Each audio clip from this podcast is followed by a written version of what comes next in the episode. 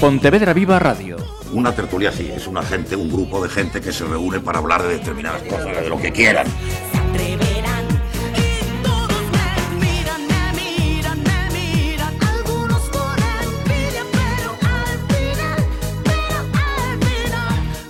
Saludos, ¿qué tal? Tenemos en el estudio de Pontevedra Viva Radio a dos mujeres, Sara Lamas y Verónica Bastos. Ambas son pontevedresas, si no me equivoco que me corrijan, Pontecaldelas y Vigo. Asneves. Asneves, pues ves, estaba, estaba equivocada. Pontecaldelas y Asneves y ambas eh, practican el culturismo. Una práctica que no está exenta de debates encontrados, en general de reticencias, de cargas eh, peyorativas, sobre todo creo en el caso del culturismo femenino. Así que vamos a hablar con ellas para que nos cuenten qué es esta disciplina y, cómo ven desde dentro todas esas eh, opiniones, debates que se generan desde, desde fuera. Bienvenidas lo primero, que no nada. Y para comenzar, me gustaría que una y otra nos contéis cómo eh, comenzasteis con el culturismo y cuáles han sido los eh, logros, consecuciones eh, que tenéis en vuestro poder hasta, hasta la fecha. Quien quiera. Hola, bueno, empiezo yo si quieres, que es más mm. corta mi carrera. Sara. yo en el 2017 fui madre y entonces eh, lo típico que empiezas porque quieres ponerte en forma en el gimnasio, te ves un poco peor después de dar a luz, bueno, todas estas cosas que nos pasa a todas las mujeres. Y eh, en el gimnasio empecé a, conocer un poco el mundo del culturismo, del culturismo femenino. Y realmente yo eh, me empezó a llamar mucho la atención, empecé a buscar información sobre el tema, me gustaba muchísimo el físico de las chicas, porque claro, es algo ya que te entra por los ojos, tiene que gustarte. Si no te gusta una chica con cuerpo atlético, ya no te llama la atención, pero ya de primeras me llamaba mucho la atención. Y bueno, había en el gimnasio gente que practicaba culturismo y lo típico que empiezas a preguntar un poco, eh, pues esto cómo lo hago, cómo no lo hago, qué tengo que hacer. Y, nada, al poco pues eh, se celebraba, después de unos meses de yo empezar a interesarme por este tema, un pequeño festival en, Teixeiro que hacía eh, una de de hecho, dos chicos que hoy en día son eh, los dos culturistas, lo organizaban, ¿no? se llamaba el Festival de Teixeiro, ¿cómo se llamaba? Bueno, lo hacían Laura Beiguela, que es profesional, y Guti. Yo me presenté sin saber nada, o sea, tenía un físico muy común, una chica delgadita, un poco tal, porque llevaba pocos meses entrenando. Me presenté por vivir un poco la experiencia, saber un poco de qué iba el tema y es que me encantó. Me encantó, me lo pasé súper bien y claro, em, cuando estaba preparando todo para poder ir ahí, me hacía falta el bikini yo como buena novata me entré en Wallapop y empecé a buscar, empecé a buscar a ver quién vendía un bikini con un precio razonable para yo poder ir ahí a estrenarme, entre comillas. Y, y ahí conocí a Verónica. Ella ah, fue la chica que me vendió mi primer bikini. Entonces, eh, a raíz de ahí yo empecé a seguirla por redes sociales, eh, vi su trayectoria, me pareció eh, súper profesional y al poquito de eso, pues fui a junto de ella, eh, hablamos del tema, llegamos y ya le dije, tengo que hablar contigo. Eh, hablamos del tema, le dije si podía empezar ella a ser mi preparadora, mi entrenadora, y bueno, a raíz de ahí pues todo fue súper fluido. Y la primera competición seria eh, federada fue en el 2021, que fue el año pasado, que hicimos tres, y la verdad es que salió súper bien, súper bien todo. Hicimos tres platas, hice tres competiciones, hicimos tres platas que, que para empezar está súper bien porque, claro, al principio vas como sin expectativas, porque tú trabajas muchísimo, pero el resto trabaja muchísimo también.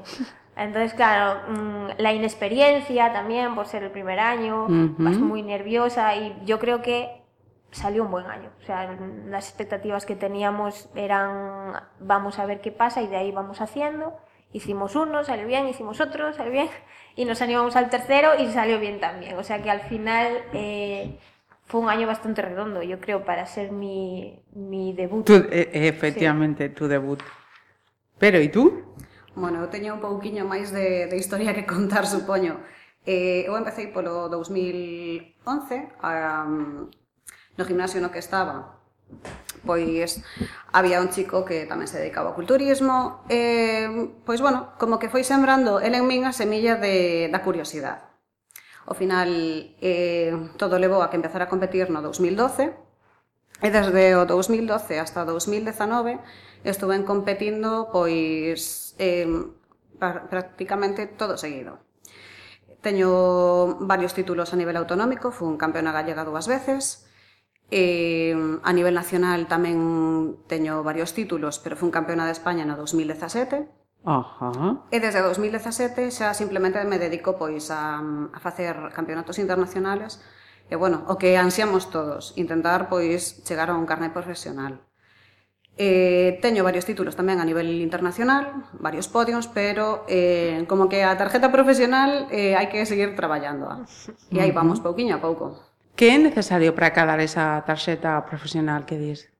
Pois realmente ter un físico competitivo, porque como moi ben decía Sara, eh, ti estás traballando duro por un físico, por unha estética, pero que ao mesmo tempo que a ti hai moitas chicas que tamén se dedican a iso. entonces pois tes que estar quizás no momento adecuado, no sitio indicado, eh, indicado, perdón, uh -huh. eh, ser día mellor.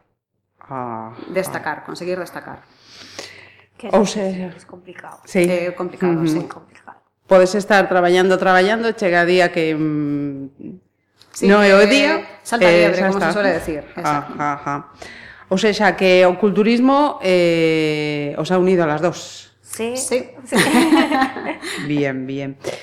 Mm, Profesionalmente es vuestra dedicación. El caso de Vero, mm, entiendo que sí. Sí, a mí me levou pois a, a formarme tanto en nutrición, dietética como entrenamentos personales e ahora mismo pois teño a miña propia tenda de suplementación deportiva e me dedico pois iso, a axudar a xente, non simplemente competición, que realmente son os que menos, senón a que, bueno, pois achegar un pouco o deporte e a vida saludable a personas normales, vamos a decirlo así.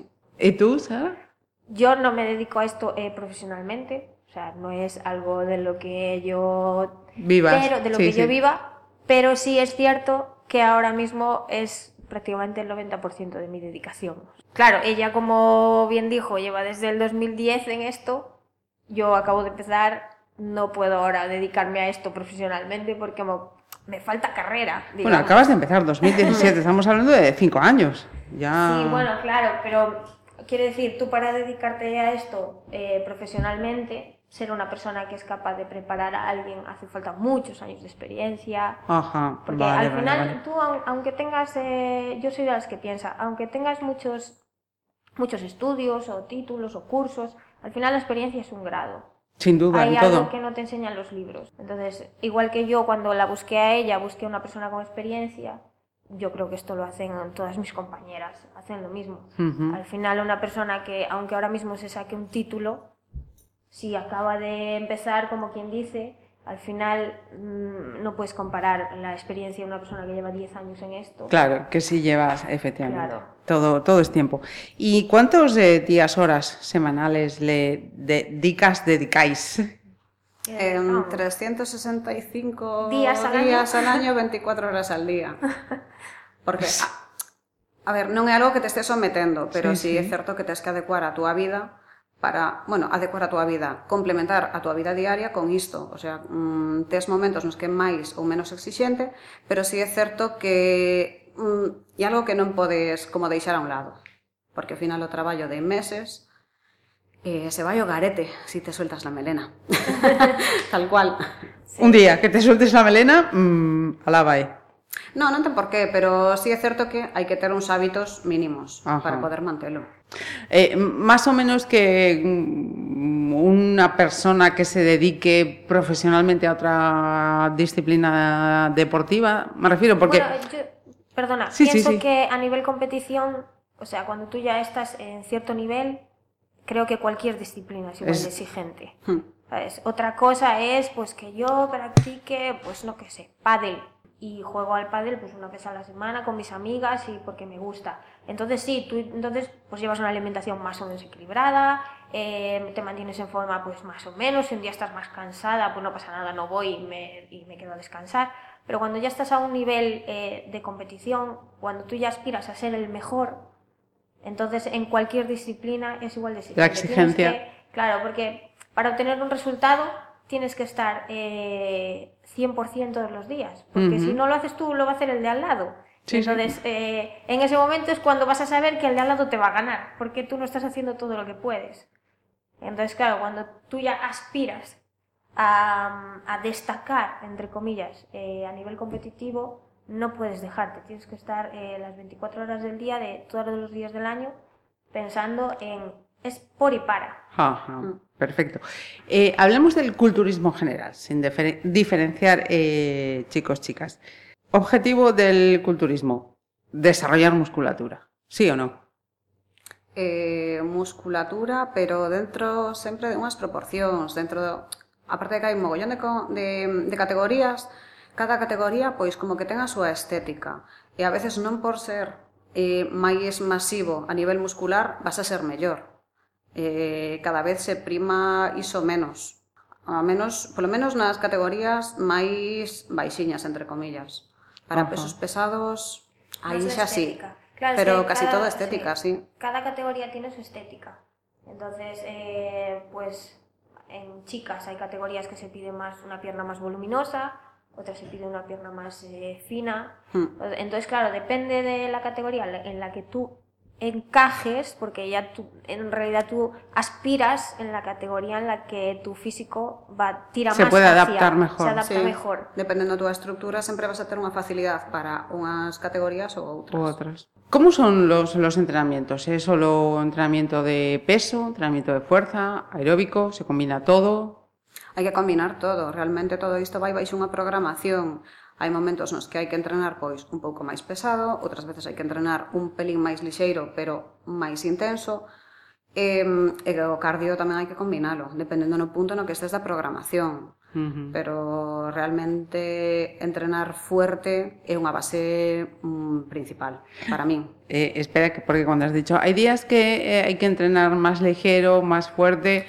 eh, ¿qué- ¿De qué parámetros hablamos cuando hablamos ligero y fuerte? Porque, mm, claro, igual. Pois entrenando, para decir entrenar fuerte, Es difícil de explicar porque a veces eh, para lo que nosotras es entrenar un poco más ligero, para una chica que no está habituada a entrenar fuerza todos los días. Claro, es que por ahí va precisamente. Igual a mí me dices, bueno, pues un entrenamiento ligero es levantar, eh, pues no sé, de, pesas, eh, bueno, de 10, y te digo yo, bueno, eso. mm, Tipo, Sí, que entrenar pouco fuerte por sería como levantar 100 kilos, o entrenar máis lixeiro sería levantar entre 75 e 80. Claro. Por decirlo Vale. así, o sea, Sí, baixamos sí, sí. un pelín o, o baremo da, do peso, pero Ajá. sigue sendo pesado. Claro, pero teniendo en cuenta que, que nosotras lo hacemos todos los días, claro, para nosotros a lo mejor entrenar un poco más ligero es que pa- yo entiendo perfectamente que una chica que no entrena mm, pesas habitualmente, pues no va a llegar un día, el primer día y besar el santo. claro. Sí, levanta Porque 10 todas kilos, la dejas ahí ya directamente. Claro, todas doblada. empezamos por ahí. Yo recuerdo sí. mis principios y lo que yo hacía en los entrenamientos en los primeros meses que no tiene nada que ver con lo que ahora. Nada que ver. Tendré, eh, todavía me queda mucho más que mejorar, pero a lo que había al principio ya la mejora es considerable. Porque cuando empiezas piensas que tienes más fuerza de la que, de la que realmente tienes. Sí. Suele pasar, sí. Sí. Le, le suele pasar a todo el mundo, ¿verdad? Sí, Nos venimos arriba enseguida, tanto chicos como chicas. totalmente, sí. Sí, sí, igual, los chicos igual incluso más. sí. Mira, vamos con otra cuestión así con, con mucha controversia. El tema de la, de la alimentación. Porque te pones a, leer como tantas cosas y aparecen eh, vigorexia, eh, personas que han fallecido por pasarse con los anabolizantes, no es una alimentación sana.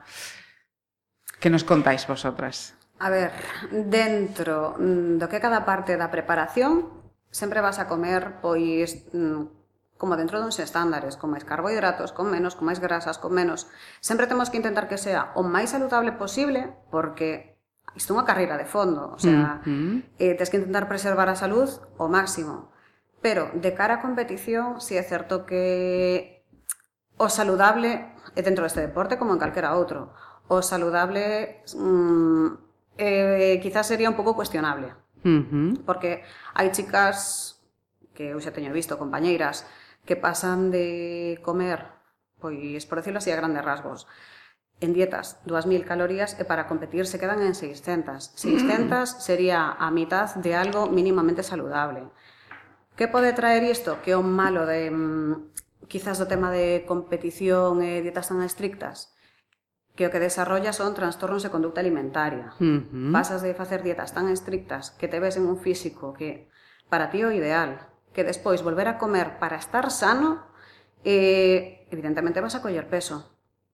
E a xente termina pois tendo problemas a, a nivel mental. Uh -huh. Es difícil, pero bueno, Colles hai que saber comer. llevarlo. Pero hai que, claro, para iso ten que haber pois un bo entrenador que che diga isto sí, isto non, que che teña a cabeza mueblada. Hai que estar pois moi consciente en cada momento e saber o que vas a facer. Porque son físicos que non vas a poder con, eh, manter durante todo o ano, é inviable. Sí, sí, sí. sí. Sí, ahí entra eh, una parte muy importante de- del entrenador o de tu preparador o preparadora, que tú tienes que tener muy claro lo que va a pasar. ¿Sabes? Eh, yo desde el principio con Vero siempre supe. Ella siempre me dice, este físico es para este momento, el momento que viene después vas a cambiar totalmente, vas a parecer otra persona, no te preocupes, no pasa nada. Eh, tenlo muy claro que, que esto es insostenible, que esto es un físico al que te vas a ver este momento, no puedes estar pensando, qué bien estoy ahora, te ves súper top, que es Ujú. lo que es eso, el físico que a ti te gusta además, y que de repente pasa la competición, te pones a comer y de repente, claro, empiezas a subir de peso, todo aquello que se te ve, que a ti te gusta que se te vea, desaparece, y, y de repente te empiezan a salir los mofletes y ya no te ves bien, y entonces a nivel mental Hay que estar también preparado. es difícil, pero es muy importante, yo bajo mi experiencia, saber ya de antemano lo que te va a pasar. ¿Sabes? Que tú sepas ya de antemano y, y seas plenamente consciente de que eso es para ese momento. ¿Sabes? Que no te crees pajaritos en la cabeza. Y que después eh, hay que empezar a comer otra vez de vuelta, pero con mucha cabeza. Porque después, eh, al haber pasado por una preparación, sobre todo si es una preparación muy restringida, Muy eh, al volver a comer tienes una sensación como de ansiedad, como de que siempre tienes hambre, como que, bueno, ahora ya puedo, y entonces como que parece que se te escapa la comida de las manos, como que Sí, empiezas sí, a comer muy ansiosa. Entonces tienes que tener siempre presente de que eso te va a pasar, que no pasa nada, que tienes que controlarte, que poco a poco y, y aprender a controlar, aprender a controlarlo. A lo mejor te lleva un mes o a lo mejor te lleva incluso dos meses intentar, o sea, volver a, a- a tener una relación con la comida normal, digamos. No tener esas ganas todo el rato de, de que el cuerpo te pide dulce, de que el cuerpo te pide comer comidas muy calóricas. Tienes que aprender a no dejarte llevar y a comer lo que tienes que comer, no dejarte llevar por ese hambre, porque ese hambre no es hambre real, es ansiedad que tienes por estar tanto tiempo Sí, privada de- calorías, privando ciertos alimentos. Entonces, es difícil, pero se lleva. Si tú ya sabes de antemano que te va a pasar eso, no te pilla por sorpresa. Entonces ya estás preparada y tienes herramientas para afrontarlo. Que conste que a mí tamén me gustaría añadir unha cousa. Eh, que quizás sea un dos favores que mm, o estilo de vida de, de culturismo fitness lle está facendo á sociedade. No Ajá. sentido de que ti antes acabas un tupper para comer, eh, todo o mundo te miraba mal. E realmente ti estás comendo saludable. Está tan mal visto facer, eh, bueno, comer ben que se lle chama todo facer dieta. Sí, sí. E comer mal eh, é o normal. Entonces cada vez se ven máis pois o que se dicen as recetas fit, eh, que se os postrecitos. Miras a unha persona comer un tupper pola calle, a mí, por exemplo, xa non me parece raro. A ver, uh -huh. fai moito tempo que non se me fai raro, pero polo sí. menos hasta me dá o gusto de decir, "Jolín, pois que guai, se está alimentando ben." E da outra maneira, personas que realmente se alimentan moi mal e que teóricamente son personas normales, o ven como, ah, está facendo, está facendo dieta, mm, que friki. Ah. Pois non, está comendo bastante mellor que a ti. E quizás isto agora xa empecé pois a coller un poquinho máis de ritmo, se empeza a normalizar un pouquiño mm. máis. Entramos eh, aínda máis na controversia. Todos esos suplementos ata que punto, como están controlados? Suplementos, aí xa pasamos ao anabolizantes. Sí. Vale. Uh. Vamos a ver, eh, o culturismo hai que decilo claro. Eh, para ser competitivo, sobre todo en determinadas categorías, hai que acceder a ese tipo de sustancias. Hai determinados eh, tamaños, determinados aspectos que non se consiguen de maneira natural. Tamén hai unha parte que é o culturismo natural, que promoven que non se tome ningún tipo de sustancias, promoven corpos nos que teóricamente non hai nada, pero claro, eh, sí. está um, tamén a trampa. Entonces, eu son das que creen que Para todo, eh, sempre hai pois como unha, un, un pequeno atallo. Despois ti decides se accedes a eles ou non. Tamén podemos decir que, bueno, un culturista morre un accidente de tráfico e eh, foi porque utilizaba eh... anabolizantes. Están as dúas partes. Eh, que os anabolizantes realmente non deixan ser medicamentos que si tes alguén que ten un conocemento e che enseña ben como utilizalos, pois evidentemente non van a ter mm, pois excesivo repercusión na túa salud. Pero tamén é certo que para algunhas categorías non é necesario. Non é necesario, e incluso é que temos visto chicas, sobre todo eu en todos estes anos, que levan as súas espaldas para levar un físico mediocre unha cantidad de sustancias que tuveron que deixar a competición por todo o mal que fixeron.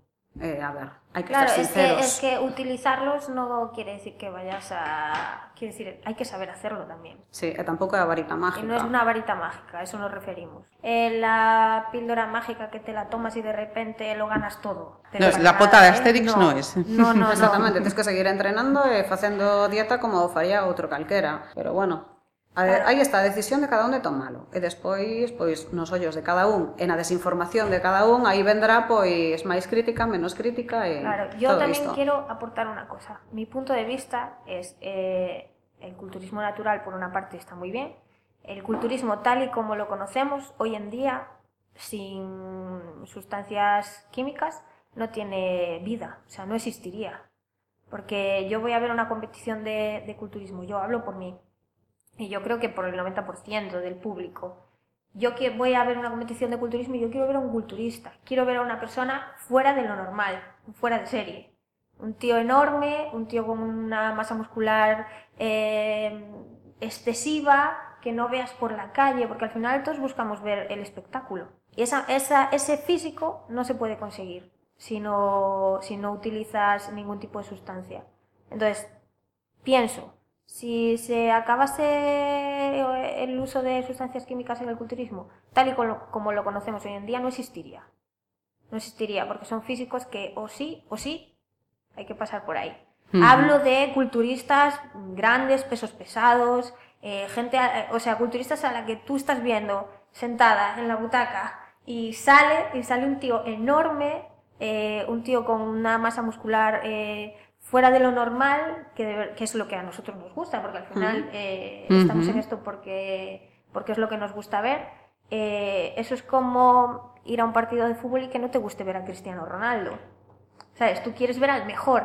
Y el mejor, para llegar a ser el mejor, tiene que pasar por ahí.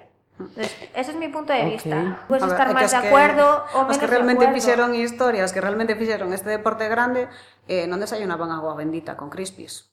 Entonces, pues bueno, hay que ser sinceros. Claro, porque a mí, me, a mí me lo preguntan muchas veces y me debe- deberían eh, eso debería desaparecer, eso debería... eh, y yo ya, pero es que el culturismo es esto. Si, si tú quieres ir a ver eso, vas a ir a ver gente que utiliza sustancias químicas, hablando de eso todo el rato de, de pesos pesados y de gente muy grande. Es lo, es lo que hay, porque de esa, no van a llegar de manera natural a estar así. Si es lo que quieres ver, tienes que saber que, que detrás Hay un añadido. base química. Que luego hay un esfuerzo enorme, una dieta terrible, eh, muy difícil de llevar, que, que muy pocos son capaces de hacerla. Todo lo que quieras, un trabajo y un esfuerzo brutal. Pero también hay esa otra parte. Que si no, no existiría. El culturismo natural es eh, también muy vistoso. Pero tiene un límite y claro, subir a- hasta ahí requiere el otra cosa. da lo que Mm, da. Tú sí, sí, sí. puedes eh, tener una genética mejor y puedes dar un poco más de lo que dan otros, pero el cuerpo humano al final es Tiene lo que límites. es. Tiene límites. Ujú. Mira, ¿y Galicia cómo está a, a esos niveles de competición, de medalleros y, y demás? Pois Galicia realmente está bastante ben. Eh, vamos a ver, a cuna quizás en España aquí do, do, mm, sí, do culturismo sería Valencia, pero Galicia está moi, moi ben, temos moi bons competidores, así a bote pronto, solo en mulleres, eh, temos tres profesionales, eu creo que A ver, non podo nombrar a moitísima xente porque seguramente me deixo a, a moitos no sí, sí. atrás pero sí que teño que decir que creceu moitísimo, sobre todo en estes últimos 5 ou 6 anos, e temos un nivel moi bo, moi bo. E hai moi bons preparadores tamén aquí en Galicia. Porque estaba eh, leyendo además que el culturismo en los últimos años es una práctica en, en aumento. No sé si vosotras desde dentro también lo veis y no es así.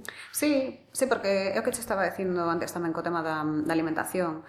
Como o estilo fitness se está promovendo cada vez máis e se está facendo como cada vez máis comercial tamén gracias ás redes sociales, ao final a xente eh, pois como que lle entra un poquinho máis a, a curiosidade e algúns dos que simplemente se dedicaban a ter unha vida un pouco saludable, a ir a entrenar e tal, pois dan como paso de competir. Uh -huh. E hai xente que proba e non sigue e outros que veñen para quedarse. Pasamos ahora a página, nos vamos al culturismo femenino. Yo eh, os planteo mm, algunas máximas y vosotras me decís, eh, estoy de acuerdo, no estoy eh, de, de acuerdo, a favor, en contra, vuestra Vale. opinión, ¿vale? El culturismo, en el caso, insisto, vamos a centrarnos en el aspecto femenino, atrofia el cuerpo de la mujer. No, o moldea. Yo creo que Para no, que nada, tampoco lo para atrofia. nada. No. De feito, eu creo que todas deberíamos facer deporte. Todas. Sin ser culturismo. Así que, que va, para nada. Sara, No, bueno, yo, no, yo creo que para nada lo atrofia. ¿eh? Yo, desde luego, eh, desde que empecé en esto, en el culturismo, eh, yo me siento muchísimo mejor. Quiero decir, si no, me, me sentiría peor, ¿no? Yo me siento a nivel salud muchísimo mejor, tengo la, el autoestima mucho más alto. No sé, yo antes a lo mejor me levantaba cansada. Una cosa tan tonta como a lo mejor eh, subir algo a casa pesado, yo qué sé, las bolsas de la compra o lo que sea. Eh, donde antes era eh, que llegas arriba, llego subo por las escaleras y parece que no respiro y yo ahora lo hago pues de manera que casi ni me doy cuenta. Quiero decir, al final, si tú eh, haces eh, entrenamientos pesados y tu cuerpo es más fuerte en el día a día que en tonterías como la que te acabo de decir, al final te sientes mucho mejor. Y, y si tú estás contenta con, tienes energías y además estás contenta con tu cuerpo, es que no le veo el inconveniente por ningún lado, quiero decir, para mí son mm, todo mm. ventajas. Eu misma, o sea, eu empecé a entrenar simplemente porque tiña escoliosis. Eh, e pasei de facer eh, ejercicios de perdón por como sona, de maruja, que me decían, vete a natación. Pois no, fixen entrenamentos de forza, empecé a entrenar e deixei de ter molestias en espalda, en hombros, aparte que teño unha cadeira máis alta que a outra, Eh, con 17 anos era un despojo e con 30 estou maravillosa. Con iso teño que Sí, decir y bueno, quiero sí. añadir una cosa que a lo mejor no es mucho lo- con la pregunta, pero eh, yo para mí el culturismo lo que me ha hecho es que yo me veo bien siempre, o sea, en cada etapa. Me veo bien con 40 kilos y me veo bien con 60.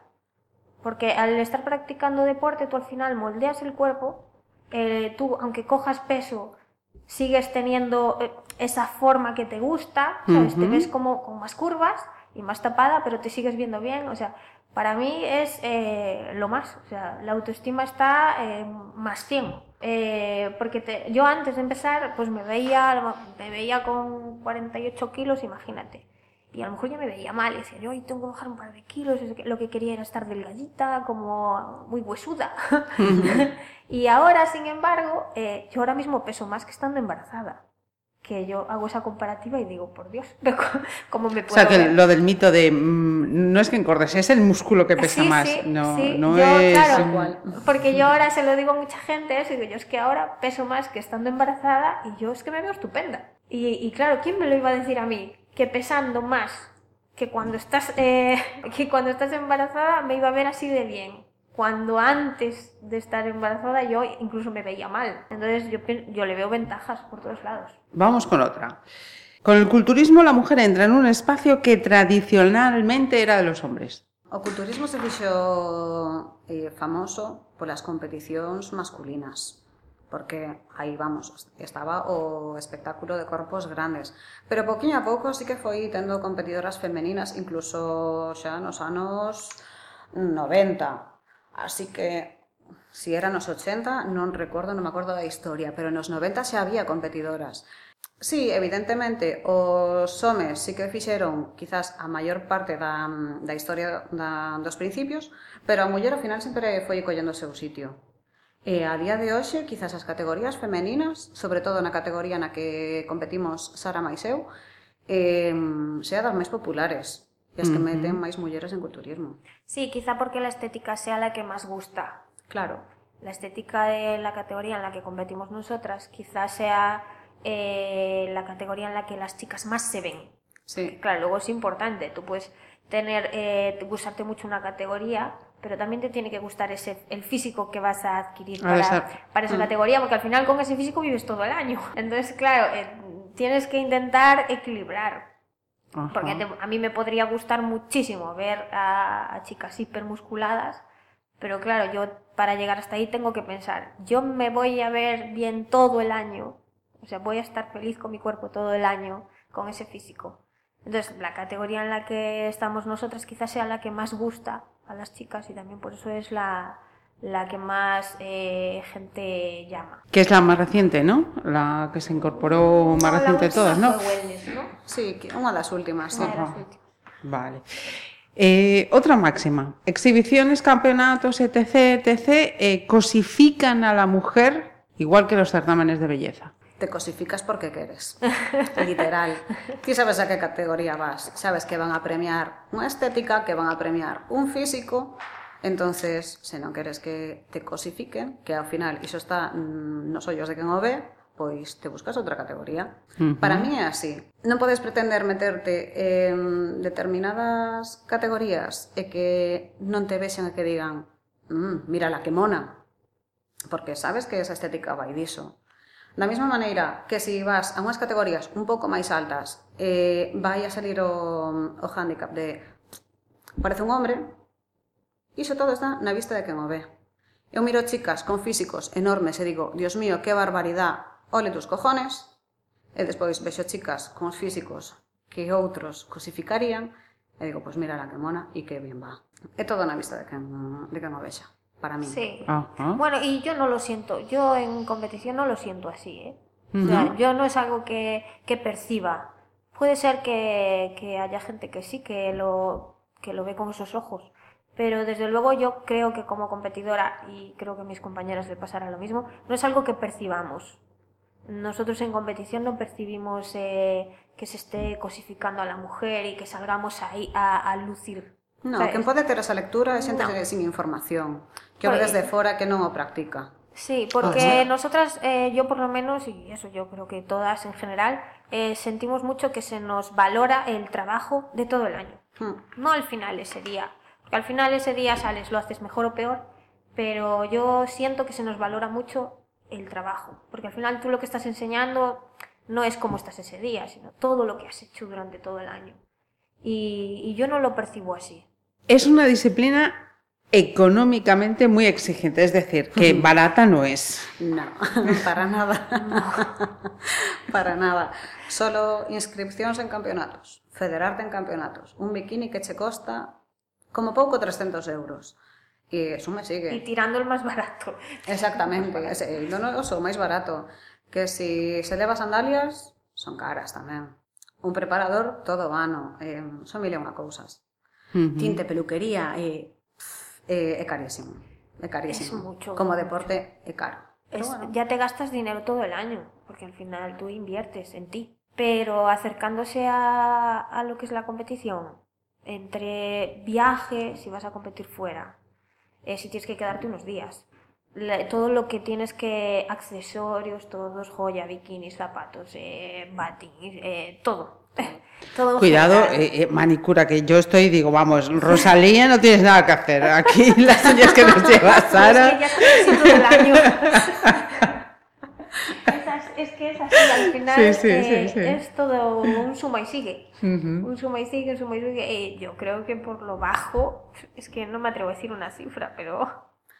Eh, polo baixo, eu fixen a conta, e tirando moi polo baixo, me iba a 3.500, 4.000 a temporada. yo te, te iba vas a a casi decir 8.000 o 3.000. ano. Sí. Pero claro, estamos añadindo a niveles tamén... de. Claro. Sí, pero bueno, estás añadindo tamén que tes que desplazarte, Ajá. que tes que pagar unha estancia todo isto, entonces ao final... Es mucho, es mejor no contarlo. Es mejor. Ahora que hay que pagar ahí esto, pues venga, pagamos. Pero, no, Pero es no muy bonito. No ir sumando. Oye, cada uno tiene sus aficiones y se gasta el dinero donde puede y donde quiere. no O sea sumar. que. A ver, que un ciclista se compra unha bicicleta de 6.000 euros, pois é a súa ferramenta de traballo, non xa sabemos o que nos vai a conlevar, pois Sí, ese señor claro. tamén. Hablamos, es que además eh, siempre estamos hablando de eso, de que al final el culturismo es- estamos hablando de competición. Hmm. No es un hobby que tú te vayas a echar la pachanga el domingo. Sí, sí, sí. sí. Entonces, claro, cual- yo pienso que cualquier deporte en el que te tengas que desplazar, en el que tengas que invertir, pues lo que decía Vero, un ciclista tendrá que tener una buena bicicleta. Pues cualquier deporte así un poco de élite, entre comillas, eh, al final te vas a dejar un dinero. Es que al final echas la carne en el asador. Exactamente. Dices tú, pues ya que llegué hasta aquí, pues me voy a comprar el bikini, el mejor bikini. Sí. Otra, otra frase que os propongo. em, una vez que se deja el col- culturismo, vaya, eh, vienen los mayores perjuicios eh, físicos para la persona. Eh, sí non. hai personas que consiguen desconectar totalmente do culturismo e ter unha vida plena ou incluso o deixan porque lle terminan collendo como manía a, a ter que haber estado tanto tempo uh -huh. con uns horarios, con unhas exigencias de dieta, entreno, tal pois ao final consiguen ter unha vida plena, desconectar e ser felices, e hai outros pois que lle levan trastornos a nivel alimentación, a nivel social, eh, porque Ti cando deixas o culturismo, cando deixas de entrenar, deixas de comer todo tal e como estaba pautado, ao final empezas a comer cousas que non tiñas antes, o físico que te habías labrado durante tanto tempo. A ver, o músculo non se, non se convierte en grasa, pero deixas de ter ese tono, ese aspecto, empezas a verte distinto. Entonces, hai moitas persoas que se meten en un bucle moi malo. Todo isto ao final ten que ir acompañado pois sempre dun bo preparador durante a preparación e de alguén que che diga o que vai a pasar despois se o deixas. Hmm. É dicir, mentras estás no culturismo o faz ben, despois non lle tes medo despois. Porque consigues ter a cabeza o suficientemente amueblada como para prepararte para unha vida despois de. O problema cando Sí. non estabas amueblado nin antes nin despois. El problema es, claro, el problema es cuando no tienes eh, otro objetivo más allá del, del culturismo. Hmm. Cuando estás en, en competición, al final te levantas por la mañana con el objetivo del día D. Mm. Y eso pasa mucho cuando, eso, cuando estás en temporada y tú estás eh, durante todo el año para esta fecha, para esta fecha, para esta fecha. Te comes, desayunas, te levantas, vas a entrenar, vuelves y estás todo el rato pensando en eh, hasta midiendo todo, el agua que bebes, el no sé qué, todo, todo, todo, todo, absolutamente todo. Pasa el día y, y- y te quedas esa, sensación- esa sensación así de vacío, como, ¿y ahora qué? ¿Ahora qué hago? Ahora mañana me levanto y ¿qué hago? ¿Cómo sigo? Porque te habitúas tanto a tener todo tan programado, a todo tan estipulado, a todo tan medido, que una vez que, que pierdes ese objetivo, es como, mm, ¿y ahora qué, ma- qué más hay después de... Ya pasó. ¿Dónde está el siguiente escalón? Claro, parece que necesitas tener otro objetivo más para tener otra vez esa tranquilidad de... Te quedas como un poco huérfano de, de eso, entre De comillas. metas. De Sí. metas. Sí, y a lo mejor pues eso, cuando un culturista decide retirarse, a lo mejor lo que le pasa un poco es eso que, que se quedan como sin objetivos. Esto es como cuando un jubilado, que recién jubilado que lleva toda la vida trabajando y, ¿Y ahora no qué sabe hago? hacer, ¿y ahora qué hago? Sí, sí. Yo creo que le- eh, lo que pasa es un poco eso, es un poco esa comparación.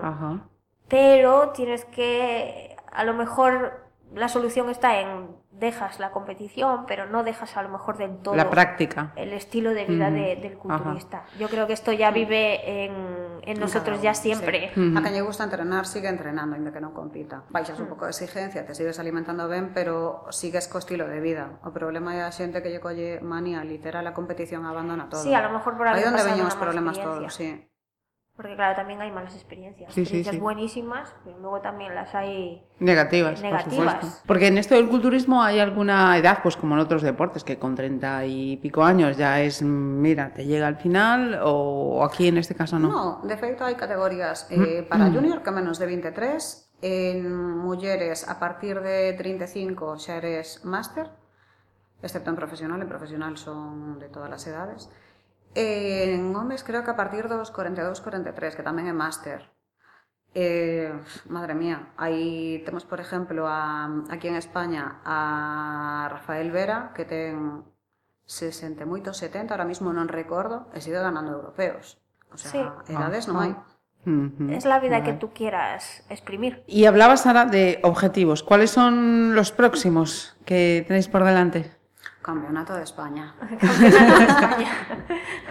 ¿Cuándo va a ser esto? Y esto será para octubre. Intentaremos que salgan algún antes, pero el objetivo principal de esta temporada es ese. ¿Octubre dónde es? Alicante. Alicante. Y, y para ese objetivo estáis ya, digamos, en el 50% del rendimiento a forzarse o eso es mm, un mes antes, dos antes. Sara está mirando a, a Vero me diciéndole, a ver, ¿qué me dices? Estamos a tope xa. Sí, a tope Pero ya.